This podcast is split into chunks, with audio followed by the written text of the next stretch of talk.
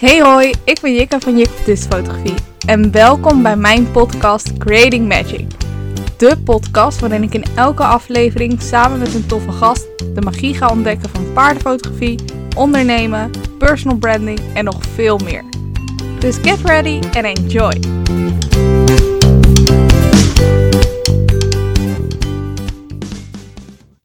Hallo, hallo toppertjes! Welkom bij de zevende aflevering van de Creating Magic podcast. Oh, de zevende alweer. Echt, het gaat zo snel voorbij. Ik kan me nog herinneren dat ik de eerste opnam met mezelf. En die aflevering is nog steeds, wordt die zoveel beluisterd. En ik krijg elke week, elke dag zelfs nog berichtjes hoeveel deze podcast jullie brengt. En um, dat vind ik zo fijn om te horen. Deze aflevering is mijn gast. Tromgeroffel.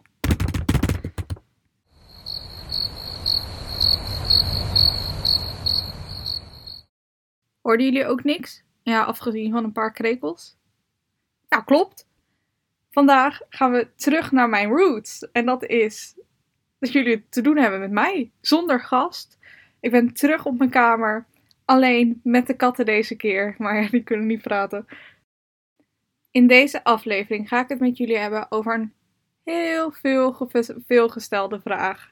Um, en dat is: hoe krijg je en behoud je klanten? Hoe trek je de klanten aan die jij wilt en niet die klanten die je voor een dubbeltje op de eerste rang zitten en zo goedkoop mogelijk een fotoshoot willen? Want zeg nou zelf, die klanten wil je toch helemaal niet? Dus, hoe krijg je nou die klant die jij zo graag wilt? Ik neem je mee in drie cruciale stappen. En als jij die uitvoert, dan weet ik zeker dat je veel meer klanten krijgt die bij jou passen. Ready? Oké, let's go. Nummer 1. En dat is: weet wie je klant is. Wie is je favoriete klant?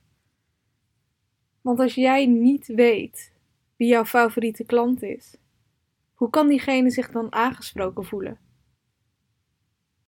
Als jij tegen iedereen praat, praat je eigenlijk tegen niemand. Onthoud dat goed. Dus als jij niet duidelijk bent wie jouw favoriete klanten zijn, wat je het liefst fotografeert.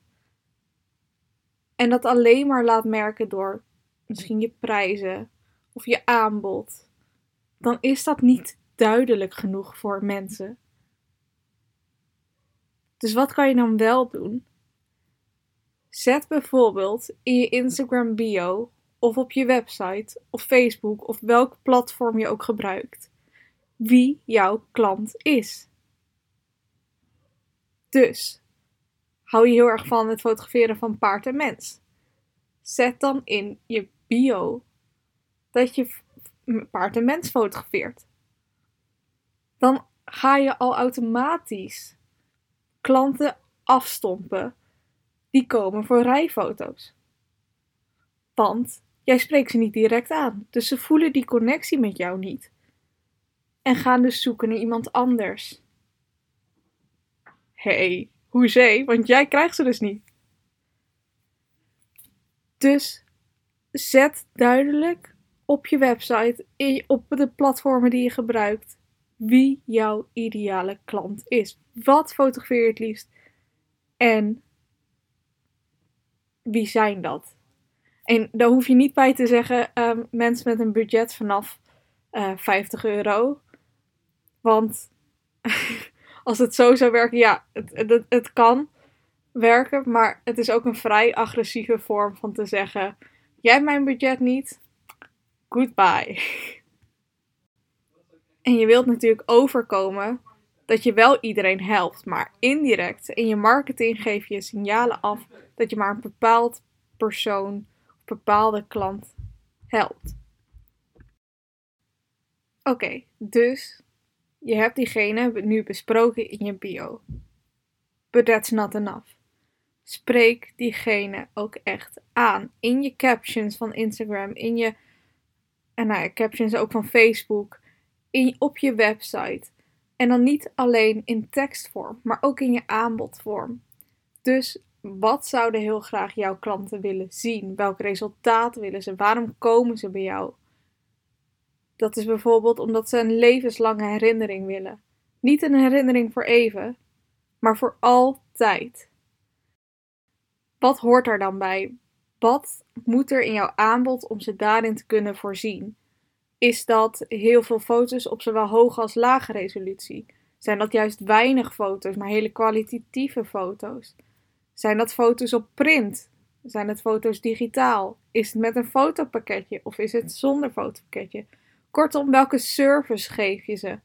Is het echt een ervaring? Of geef jij ze eigenlijk alleen maar een fotoreportage? Dat is een heel groot verschil, maar daarin zit er wel een hele andere type klant achter. Bijvoorbeeld, ik geef je nog een voorbeeld. Ik hou van voorbeelden, dus hè, laten we lekker doorgaan.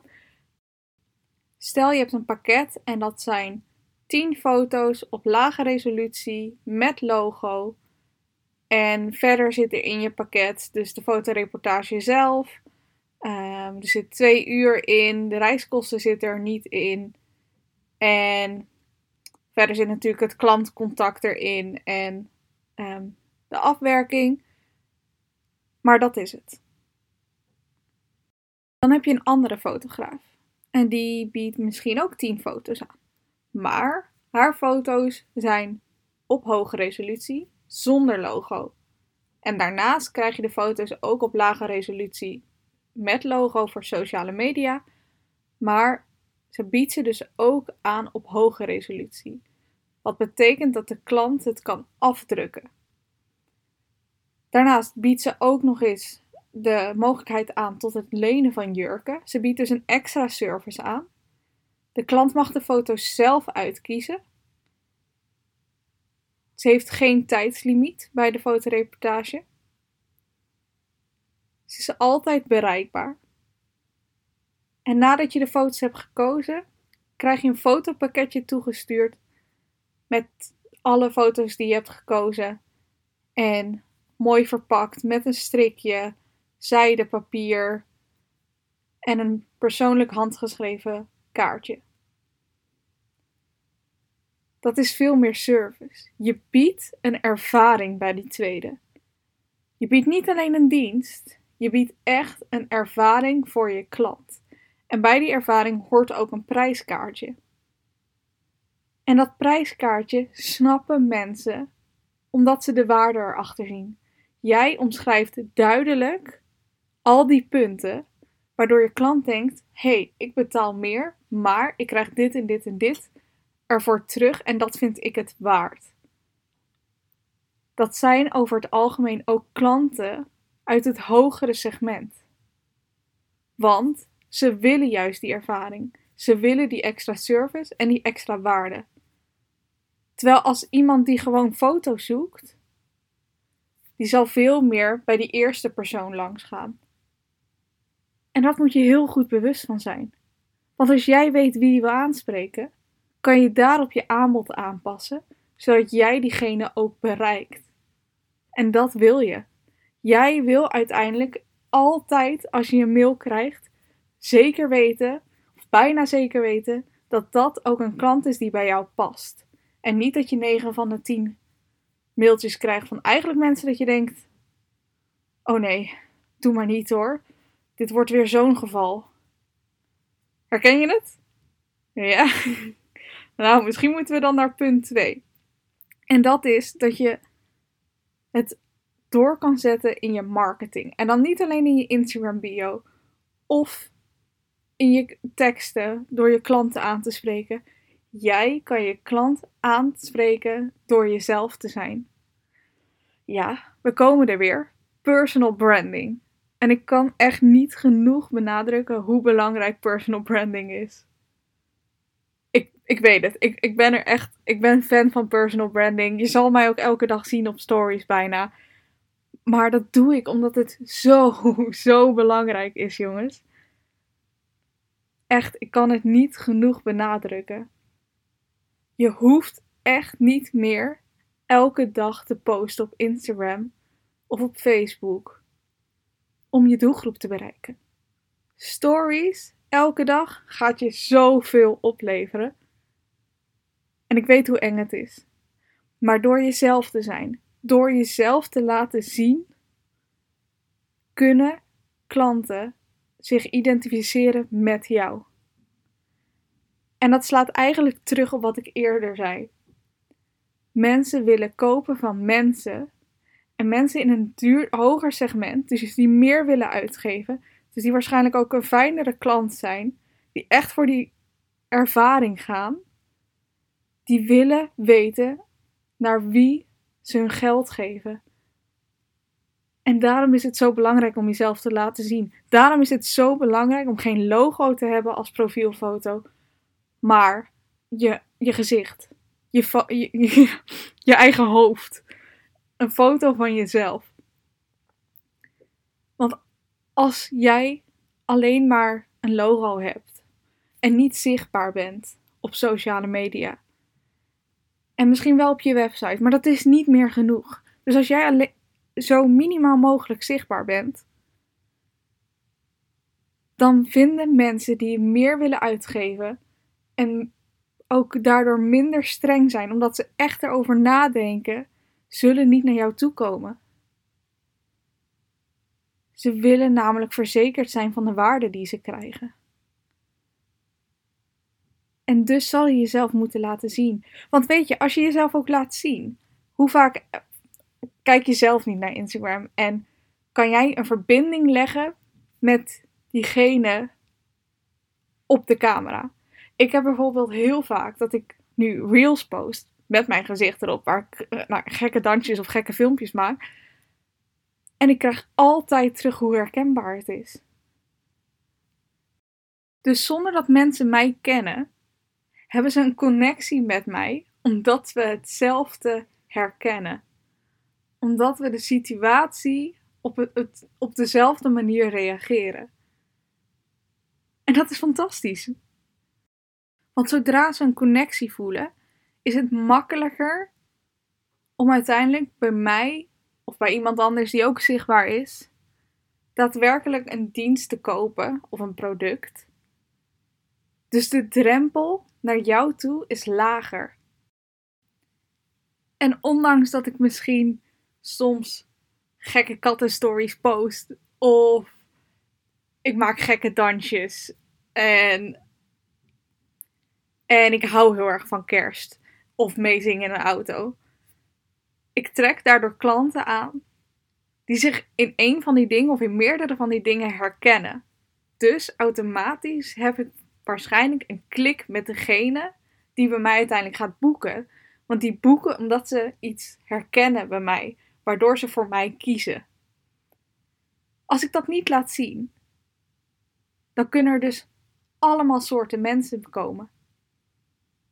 Mensen die van kerst houden, mensen die niet van kerst houden, mensen die kerst haten. I don't know. Zijn die er? Vast wel. Een soort cringe. Zijn er vast wel.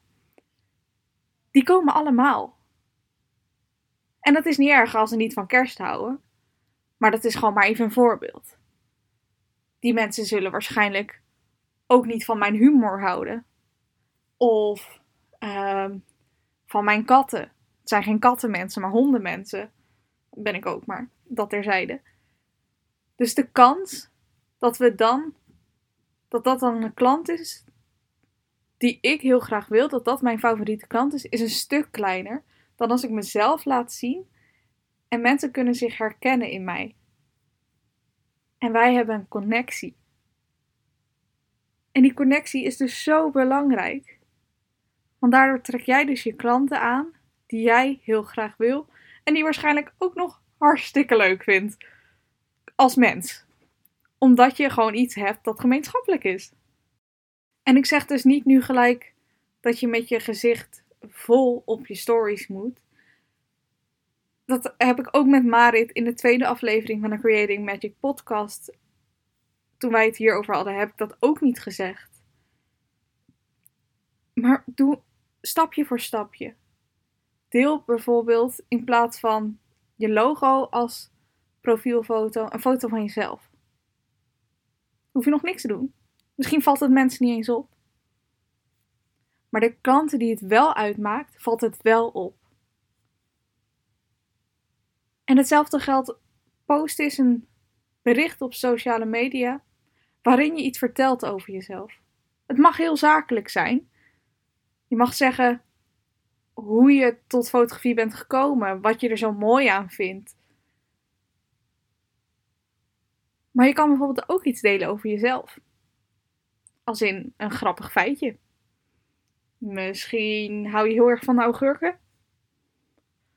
Of hou je dus echt helemaal niet van papegaaien. Zo'n gek ding, zo typisch iets voor jou, kan juist ook iets gek zijn van diegene die jouw post bekijkt. Van jouw ideale klant. Van jouw toekomstige klant. Dus dan is het helemaal niet meer gek. Want jullie hebben dan een connectie. Op iets waar je het helemaal niet verwacht. Dus deel eens een gek feitje. Mag in je story zijn, dan is het binnen 24 uur weg. Hoeft niet eens je foto erbij. Het is natuurlijk wel leuk, of met een boomerang. Maar het mag ook gewoon een gek feitje zijn. Gewoon. En het hoeft niet gelijk heel gek te zijn. Misschien heel slecht in wiskunde. Ja, dat is niet heel gek. Maar het is wel heel herkenbaar voor veel mensen.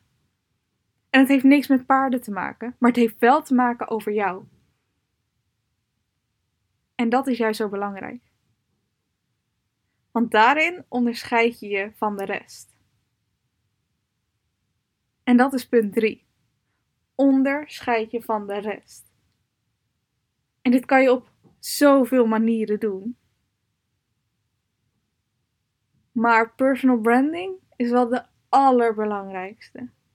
Want iedereen kan jouw informatie overnemen. Iedereen kan jouw foto's overnemen. Iedereen kan jouw modellen overnemen, jouw paarden overnemen, je bewerkingen overnemen. Je sociale media kunnen ze overnemen. Maar wat ze niet kunnen overnemen, stel je hebt een copycat, is jou. Ze kunnen jou niet overnemen. Ze kunnen jou nooit kopiëren. Omdat jij uniek bent. Dus maak daar gebruik van. Maar er zijn natuurlijk meer opzichten, aspecten waarin je je kan onderscheiden. En één ding wat heel erg vaak genoemd wordt bij fotografie, is je eigen stijl hebben. Ja, je eigen stijl hebben. Nou, dat klinkt waarschijnlijk net zo vaag in jouw oren als in mijn oren. Want wat is je eigen stijl? Ik dacht vroeger altijd dat het hebben van mijn eigen stijl was dat ik altijd precies dezelfde bewerking kon doen op elke foto. En dat dat dus altijd werkt. Een soort preset dus. Dat je gewoon de instellingen zo kopieert en plakt. En het maakt niet uit wat voor fotoshoot. Het werkt altijd. En dat is dan je eigen stijl. Ik ben er wel achter gekomen dat dat niet helemaal klopt. Een foto is nooit hetzelfde. Het weer is anders, het paard is anders. Het paard is zwart in plaats van wit. De locatie is anders. De, het model, de, de, het mens, de eigenaar is anders. Het is actie en dan is het weer geen actie. Er is geen één instelling dat je zo hop kan plakken en op elke foto werkt. Zonder dat je het moet aanpassen.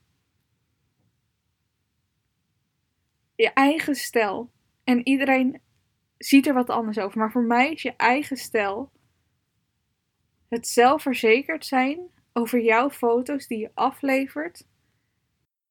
En die foto's representeren jou en de sfeer die je wilt overbrengen.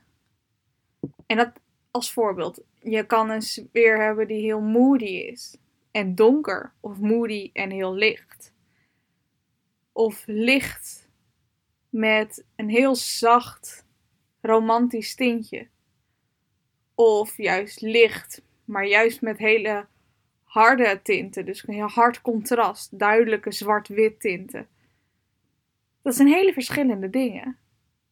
Maar die kan je wel op elke foto toepassen. Maar het allerbelangrijkste is dat jij zelfverzekerd bent over jouw foto's.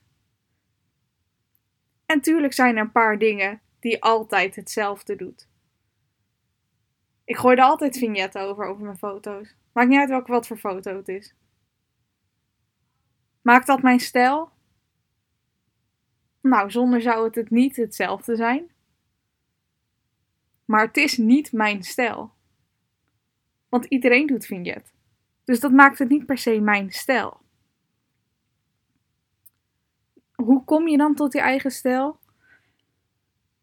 Ja, oefenen, oefenen en oefenen. En dan bedoel ik niet alleen met het proberen in Photoshop. Want heel veel mensen denken dus dat je eigen stijl vaak al, ja, vaak pas toepasbaar is in Photoshop, in je bewerkingen. Maar het begint al veel eerder. Het begint al bij het fotograferen zelf. Het begint al te kijken naar hoe kijk jij naar locaties. Daarin is ook al een hele belangrijk aspect van jouw stijl. Kijk jij naar donkere locaties? Kijk je naar lichte locaties? Zie jij iets wat een andere fotograaf niet ziet op eenzelfde locatie? Dat is ook een eigen stijl. Ik heb bijvoorbeeld heel vaak, misschien herken je het wel, dan ben je met meerdere fotografen op pad. En dan zegt er eentje opeens, het klinkt echt als een mop dit, maar dan zegt de ene opeens, oh, zullen we uh, tussen die bomen daar doen? En dat ik denk, nou, nee joh, dat is toch lelijk? Daarin zit al een eigen stijl. Dat ik vind dat dat lelijk is, terwijl zij dat mooi vindt. En misschien proberen we het wel. En dan werkt het fantastisch. En het laat dus zien dat zij een hele andere blik, een hele andere stijl heeft naar het kijken van foto's in haar hoofd. Dus niet uiteindelijk de foto die het wordt, maar het plaatje in haar hoofd is al anders dan mijn plaatje in mijn hoofd. Dus daar begint de stijl al.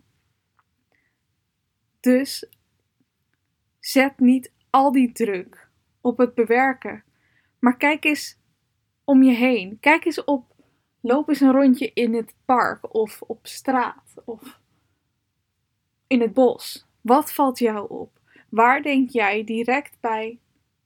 Oh, daar zou ik een paard neer willen zetten. En het kunnen hele gekke plekken zijn. Ik weet nog bij honden bijvoorbeeld dat die, um, ja, weet je, op een bospad, leuk, maar dat deed iedereen. En opeens zagen mensen dat je honden tussen van die varens kunt doen. Super tof effect. Maar heel veel mensen zagen dat niet in zo'n locatie, ook al stonden ze er recht naast. Het maakte diegene uniek. En dus had ze een eigen stijl. Natuurlijk kan dat gekopieerd worden. En daarin is dan weer bewerking dat je dat uiteindelijk verder uniek maakt. Maar het begint dus al bij het kijken naar een locatie, het kijken van licht. Hè, soms zeggen mensen dus ook, zullen we daar gaan staan? En dan denk ik, ja, maar dat licht is toch niet mooi? En dan kijk je op je camera en denk je, holy macaroni, dat licht is wel heel mooi.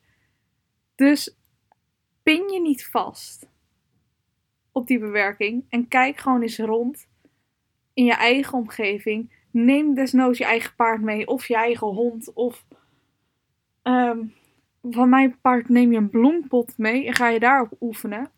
Probeer eens verschillende dingen uit.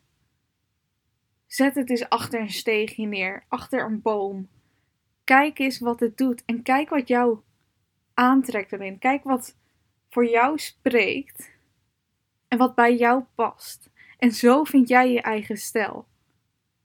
En daarna kan je in Photoshop en in Lightroom en in weet ik veel wat allemaal bewerkingsprogramma's kan je dat verder uitbreiden en dat plaatje in je hoofd verder afmaken door gewoon random op schuifjes te klikken en te, te, ja, te schuiven en te draaien en weet ik wat je ermee kan doen. Totdat je denkt, hey, dit vind ik een tof effect geven. Kijk bijvoorbeeld eens bij Photoshop. In die balk daarboven bij filters. Kijk eens wat al die filters doen.